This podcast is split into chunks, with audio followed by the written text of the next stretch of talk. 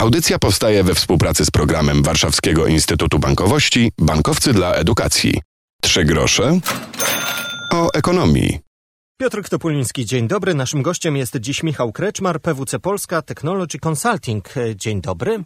Dzień dobry. No I to jest ekspert, który będzie nam dziś próbował wyjaśnić tematy związane z AI, ze sztuczną inteligencją, z tym, co często widzicie w nagłówkach ostatnio, że sztuczna inteligencja nam pracę da, albo że ją bardziej może zabierze. To jest temat dość szeroki, który mam e, świadomość, że nie omówimy w tych kilka minut e, naszej rozmowy, ale muszę spytać tak wprost, co to znaczy, że inteligencja jest i jest ona sztuczna? No, ten termin trochę, trochę jest jakby fałszywy, tak? bo ten, ta sztuczna inteligencja, sformułowanie sztuczna inteligencja sugeruje, że to jest rzeczywiście inteligentne, tak? że tam tkwi jakaś inteligencja i ona jest dodatkowo sztuczna.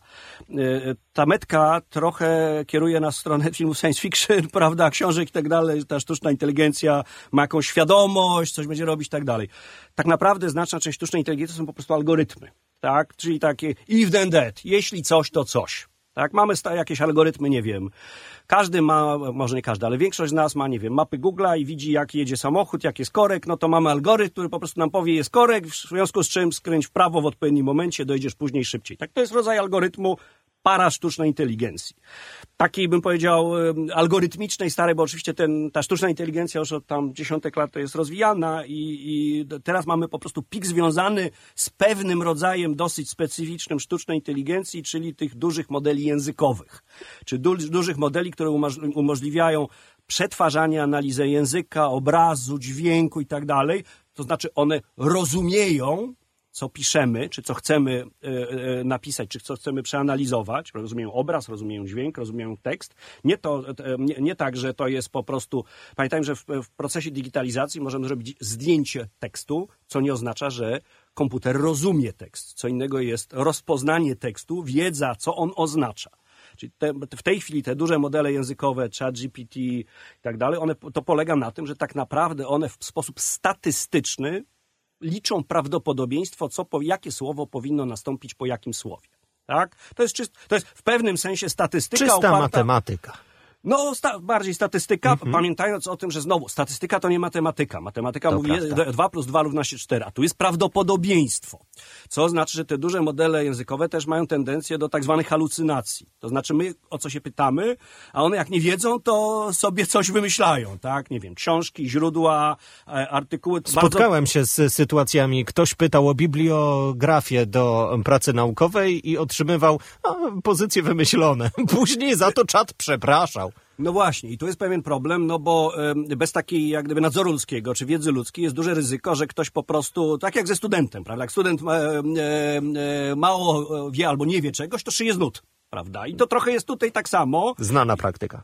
I znowu, ale my musimy sobie zdawać z tego sprawę. No, jeśli my jako firma, organizacja, czy jako osoba prywatna będziemy używać te, tego typu technologii, no to musimy mieć świadomość, że ta, warto jest sprawdzać wiarygodność tych informacji, które są pod spodem, prawda? Czy rzeczywiście to źródło jest, czy to jest wiarygodne źródło, czy ta informacja jest prawdziwa i tak dalej, i tak dalej, bo to są mechanizmy statystycznie przetwarzające informacje jeszcze nauczone w większości wypadkach na publicznych źródłach, tak? Czyli to jest system, który szedł przez internet, przemielił tam tysiące dokumentów, stron internetowych i tak dalej i na tym statystycznie się nauczył, prawda, jaka jest kolejność słów w, w zdaniu. A teraz jeszcze dokładamy swoje, swoimi pytaniami, zapytaniami. Tak, oczywiście tam cały czas go douczamy.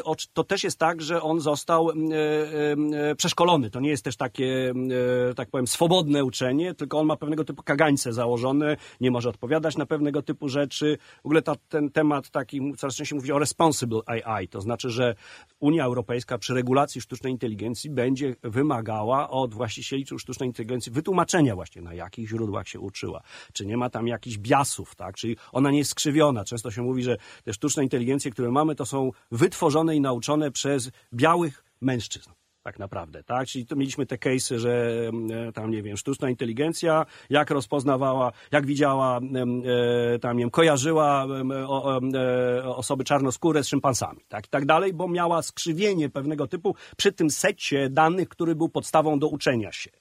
E, dlatego pamiętajmy, że no ona e, e, znowu zaczynają być takie, dedykowane sztucznej inteligencji. Na przykład Bloomberg zrobił własną sztuczną, własny model sztucznej inteligencji oparty na danych Bloomberga, gdzie Bloomberg ma kontrolę nad tą treścią pełną, w związku z czym jest w stanie wyprodukować, znaczy jakość tego, tych odpowiedzi będzie oczywiście dotyczyła biznesu, tam finansów i tak dalej, księgowości, etc. Natomiast dane, które są podstawą te, te, te, tego modelu, są bardzo jak gdyby jakościowe. Co innego, jeśli uczymy tego, prawda, na Reddicie, tam e, takich publicznych źródłach informacji, które to stanowią... To już są śmieszki często. Korpus e, wiedzy dla, te, dla, tego, dla, tego, dla tego narzędzia. To ja może teraz spróbuję usiąść przy moim biurku i zajrzeć do technologii, które mogą się w najbliższym czasie rozwijać i mogą być pomocne. Albo zajrzyjmy do banku. Co może się w takim banku zmienić? Bo często pojawiają się nagłówki, że AI nam po prostu odbierze pracę niektórzy mogliby się cieszyć, będzie wol, więcej wolnego czasu, ale może jednak nie, bo nie będziemy mieli pieniędzy. No, e, e, bym powiedział tak, że e, sztuczna inteligencja na pewno odbierze nam część takich powtarzalnych, regularnych prac, tak? Czyli są pewne rzeczy, które, tak jak w przemyśle, prawda? Kiedyś mieliśmy manufakturę i linia produkcyjna, zautomaty, automatyzacja odebrała część powtarzalnych prac, zaję, zajęły, po prostu maszyny przejęły ten, ten, ten obszar. I tak samo mamy tutaj. To znaczy mamy część powtarzalnych prac, które nie wymagają wielkiego, że tak powiem, wkładu intelektualnego, i część tych prac to jest, nie wiem, to jest na przykład zebranie i analiza informacji. Tak? E, bo często postrzegamy tą sztuczną inteligencję jako coś, co pisze tekst tak? ale również część tej pracy, takiej intelektualnej, to jest analiza informacji, e, zebranie tych informacji, researche, e, plus to, co mówiłeś, tak? czyli na przykład e, produkcja obrazów. Mamy, oczywiście mamy artystów, ale mamy też rzemieślników graficznych. Duża część tych prac to jest tak odciążenie tych rzemieślników od takiego ręcznego wykonywania tych obrazków, tylko zadanie, coraz częściej się mówi, że będziemy mieli, prawda, prompt engineerów, tak? czyli ludzi, którzy umieją zadawać dobre pytania sztucznej inteligencji, dzięki temu, że tak powiem, zamiast robić, po prostu odpowiedzi na pytanie uzyskają uzyskają e, wynik pracy. To będzie taka praca ręka w rękę maszyny z człowiekiem, trochę jak właśnie nowoczesna linia produkcyjna, prawda, w fabryce. Zastanawiam się, no bo prompt engineering to jest jedna sprawa, którą będzie się można zajmować. A jakie są jeszcze mm, zajęcia, które mogą być interesujące na rynku pracy, powiem tak ogólnie? No, bo na, mówiło na... się na studiach jeszcze kilka lat temu, no machine learning będzie przyszłością i to się dzieje teraz. To prawda. Jednym, my mamy bardzo duży dział a, a, a, e, taki e, data analytics. E, prawie 200 osób zatrudniamy w Polsce i to jest jedno z naj trudniej rekrutowalnych e, ludzi. Tak bardzo trudno jest nam znaleźć tych ludzi, bo ci ludzie są rozchwytywani przez, e, przez firmy, znaczy teraz jeszcze mamy boom, prawda, więc dodatkowo e, tych ludzi bardzo, ale to też jest, to nie jest tylko, prawda, to jest i statystyka, to jest i część socjologii, to jest też część prawa, tak, bo coraz więcej będziemy mieli kwestii prawnych dotyczących zastosowania czy odpowiedzialności sztucznej inteligencji. Mamy case, prawda, chociażby praw autorskich. Jeśli te modele machine learningowe zostały zostały nauczone na czyichś danych bez zgody właściciela danych, no to on prawo ma do uzyskania z, z tego e, zwrotu z inwestycji. Choć, e, choćby to słynne zdjęcie z papieżem, który tam się przechadzał, no to przecież skąd się elementy tego jego stroju się wzięły? No to, Czy jego twarz, wizerunek? To, to, jest jedno. Drugie, no mamy, mamy dwa podejścia, prawda? Mhm. Mamy te modele, które się uczyły jak gdyby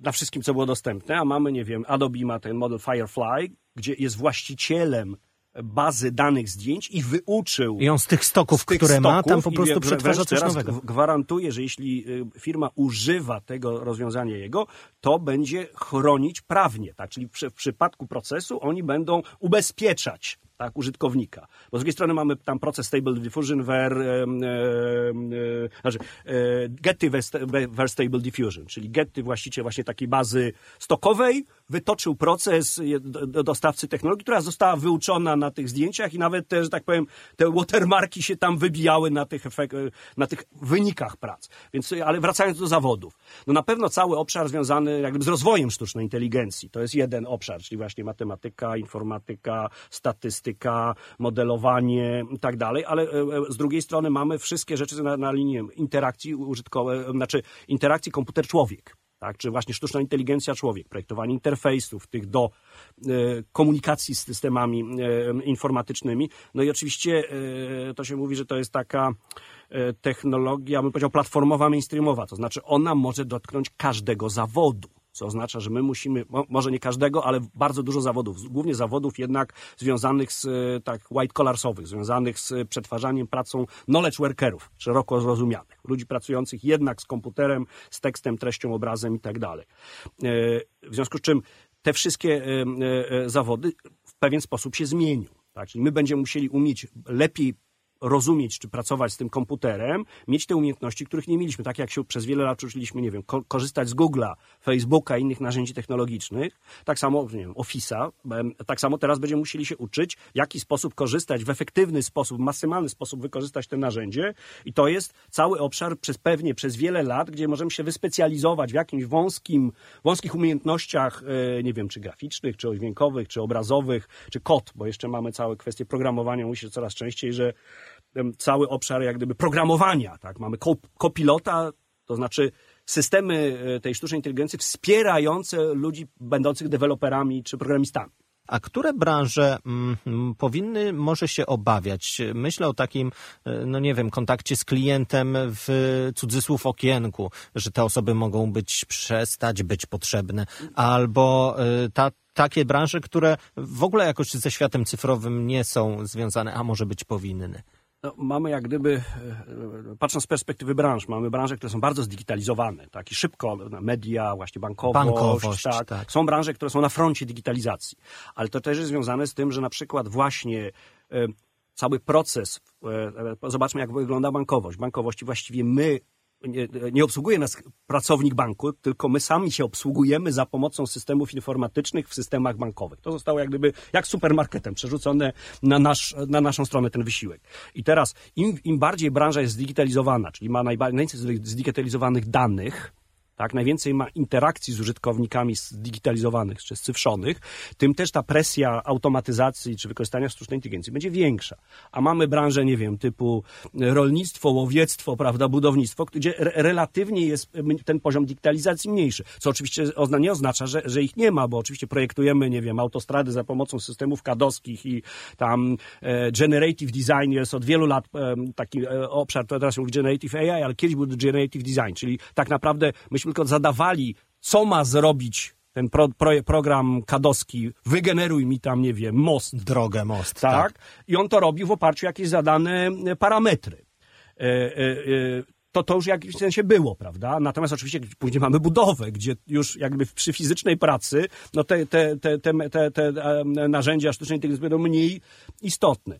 Bardzo ciekawy obszar, który się wydaje istotny, to jest medycyna, prawda? Medycyna, chemia, te branże, gdzie jest bardzo dużo danych, przetwarzania danych i po prostu ludzie nie mają capabilities, możliwości przetworzenia takiej ilości danych, żeby wyciągnąć te, te, te, takie istotne wnioski. E, e, więc e, e, i te dane są jednak zdigitalizowane, bo pamiętajmy, że nie wiem, e, no właściwie jak idziemy do lekarza, większość w tej chwili badań jest wykonywana za pomocą rozwiązań technologicznych i co więcej, nam te dane się później zbierają w jakichś systemach, tak? Prześwietlenia, USG, tomografia komputerowa i tak dalej, dostajemy na dyskach CD. I wyciągnąć z tego mogą lekarze, a także my wnioski. Dokładnie tak. Tak samo chemia, prawda? To jest y, olbrzymi obszar, gdzie w ogóle takie, ta chemia przemysłowa, przetwórstwo i tak dalej, gdzie mamy mnóstwo rzeczy, które są oparte na danych. No jaki sposób, nie wiem, y, coraz częściej się mówi, nie wiem, y, że budowanie smaków, tak? Konstrukcja smaków tak, to jest możliwe e, zupełnie nowe podejście do tego w oparciu o właśnie modele machine learningowe, a nie jakąś tam intuicję ludzką czy wiedzę, kompetencje, no bo często też te modele mają takie, dochodzą do wniosków, do których ludzie by nie doszli w łatwy sposób, tak? Pamiętacie Państwo, jak było z e, graniem w szachy i go, tak? Że wydawałoby się, że to te ruchy, które wykonywała sztuczna inteligencja nie były dosyć takie naturalne dla, e, dla gracza zwykłego. A się okazało, że sztuczna inteligencja no lepsza jest niż ta inteligencja ludzka przy grze go no przy niektórych obszarach na pewno jest, znaczy na pewno przetwarza szybciej, na, na pewno jest więcej w stanie e, jak gdyby danych przeanalizować w krótszym czasie, e, natomiast znowu mamy ten obszar cały kreatywny, empatyczny, e, e, takiej interakcji międzyludzkiej, gdzie właśnie zastanawiamy się, na ile ta sztuczna inteligencja nas odciąży, a na ile ona właśnie będzie jakimś takim zimnym robotem, który tak będzie decydował. Pamiętacie Państwo te wszystkie filmy science fiction czy książki, gdzie prawda, ktoś jej zadał jakąś reguły i ona zgodnie z tym tam kogoś zamroziła albo zabiła, tak? bo tak było narzucone przez ten algorytm gdzieś tam z tyłu. A na koniec naszej rozmowy, to skoro mówimy o tym, że no, praca jest i po prostu mnóstwo e, rzeczy trzeba zrobić, potrzebni są specjaliści do tego wszystkiego, to jak e, powinniśmy się teraz tego uczyć, albo skąd brać wiedzę na ten temat? Niektórzy ludzie mogą jeszcze poszukać studiów, które są e, z tym związane, ale już obecnie na rynku pracy jak powinni zacząć swoją tę przygodę z AI? Ja bym powiedział, że no, mamy też problem z takim AI snake oil. To znaczy, że wraz z tym modą na, na AI wytworzyło się mnóstwo szkolenia. Już widziałem dla przedszkolaków szkolenie ze sztucznej inteligencji, więc trochę to też pokazuje boom, jaki mamy, więc bardzo bym uważał na takie szkolenia, które tam Facebook nam, czy, czy jakaś platforma podrzuca, bo po prostu nie wiemy, na ile to jest wiarygodne. Natomiast jest masa materiałów takich, no bym powiedział, dostarczanych przez same platformy, tak, w jaki sposób OpenAI, tak, w jaki sposób najlepiej wytwarzać te, te prompty, e, te, te prompty, tak, czy te pytania do, do, do, do tego systemu czatowego. Jest jednak internet jest gigantycznym E, złożem informacji, które nam pozwala się edukować, pamiętając oczywiście, że znowu będzie mnóstwo ludzi, które będą chciały zarobić na naszej niewiedzy, więc uważajmy, gdzie się uczymy. Po pierwsze, tak jak dzisiaj się mówi o cyberbezpieczeństwie w kontekście bankowości, my w audycji też o tym mówimy, tak i tutaj może się stać niedługo, byśmy uważali, uważali. Już mieliśmy sytuację, gdzie któryś, któraś z firm, e, że tak powiem, do tego modelu wepchnęła dane swoich klientów, tak? W związku z czym, no to jest zawsze ryzyko. Pamiętajmy o tym, że musimy uważać, z czym jeszcze zasilamy tą sztuczną inteligencję, czy ona jest publicznym modelem, czy to jest tylko model prywatny dla naszej firmy. E, e, ten rynek się będzie bardzo rozwijał, ale wydaje mi się, że tak, no, na pewno e, po pierwsze, po prostu zawsze trzeba się uczyć przez całe życie. To nie jest tak, że my możemy jak gdyby, chyba, że jesteśmy, no pewne są zawody typu szef, krawiec, prawda, gdzie mamy pewnego typu umiejętności, później technologia nie zmienia się tak e, w ciągu naszego życia, że musimy do, przeszkolić zupełnie. Natomiast są pewnego typu e, zawody czy umiejętności, które musimy w czasie swojego życia cały czas rozwijać. I tutaj oczywiście e, mamy po pierwsze dostawców technologii, po drugie pracodawców, po trzecie, no jednak uczelnie publiczne czy prywatne, które e, świadczą usługi edukacyjne i też e, no, mamy polskich no, naukowców czy pracowników e, e, tych rozwiązań, tych dostawców, pracowników, dostawców rozwiązań sztucznej inteligencji. Więc można się uczyć, nie wiem, w tej chwili możemy ich followować na Facebooku, na Twitterze, na Facebooku, tak patrzeć, o czym oni piszą. To jest bezpośrednia relacja, tak? Zupełnie inna sytuacja niż kiedyś, kiedy ci ludzie gdzieś tam tkwili w Ameryce i bardzo trudno było czerpać z tego typu wiedzy. Gdzie jeszcze, no na pewno warto czytać literaturę literaturę, tak? Mam coraz więcej książek na ten temat, literatury takiej podstawowej, nie popularno-naukowej, tylko, e, znaczy, no, popularno-naukowej też, ale nie tak, science fiction, tylko takiej e, edukacyjno-wartościowej. No i na pewno świetnym miejscem nauki są wszelkiego typu praktyki, tak, czyli taka szybka ścieżka nauki w, jakby na froncie, tak? Czyli wejście na praktyki do jakiejś organizacji, która wykorzystuje tego typu rozwiązania, czy to jest właśnie bankowość, czy jest, nie wiem, technologia technologię, marketing cyfrowy, czy to jest e, e, właśnie e, consulting, czy to jest software development. Jest dużo obszarów, gdzie możemy się uczyć po prostu na praktycznych przykładach, co jest najlepszą nauką, a nie taka czysta teoria, bo jednak czym innym jest praca, tak powiem, w materii, a czy innym w teorii. Już wyobrażam sobie naszych słuchaczy teraz lecących do klawiatur, szukających tego, jak należy zadawać pytania sztucznej inteligencji. Ja na koniec zadam pytanie, jak odpowiesz osobom, które mówią tak, boję się sztucznej inteligencji, boję się AI, tych wszystkich czatów, które się pojawiają, nie chcę z tego korzystać. No, tak samo można było kiedyś mówić, prawda, nie chcę korzystać z elektryczności, nie wiem, e, z, samochodów spalinowych, e, linii A teraz elektrycznych.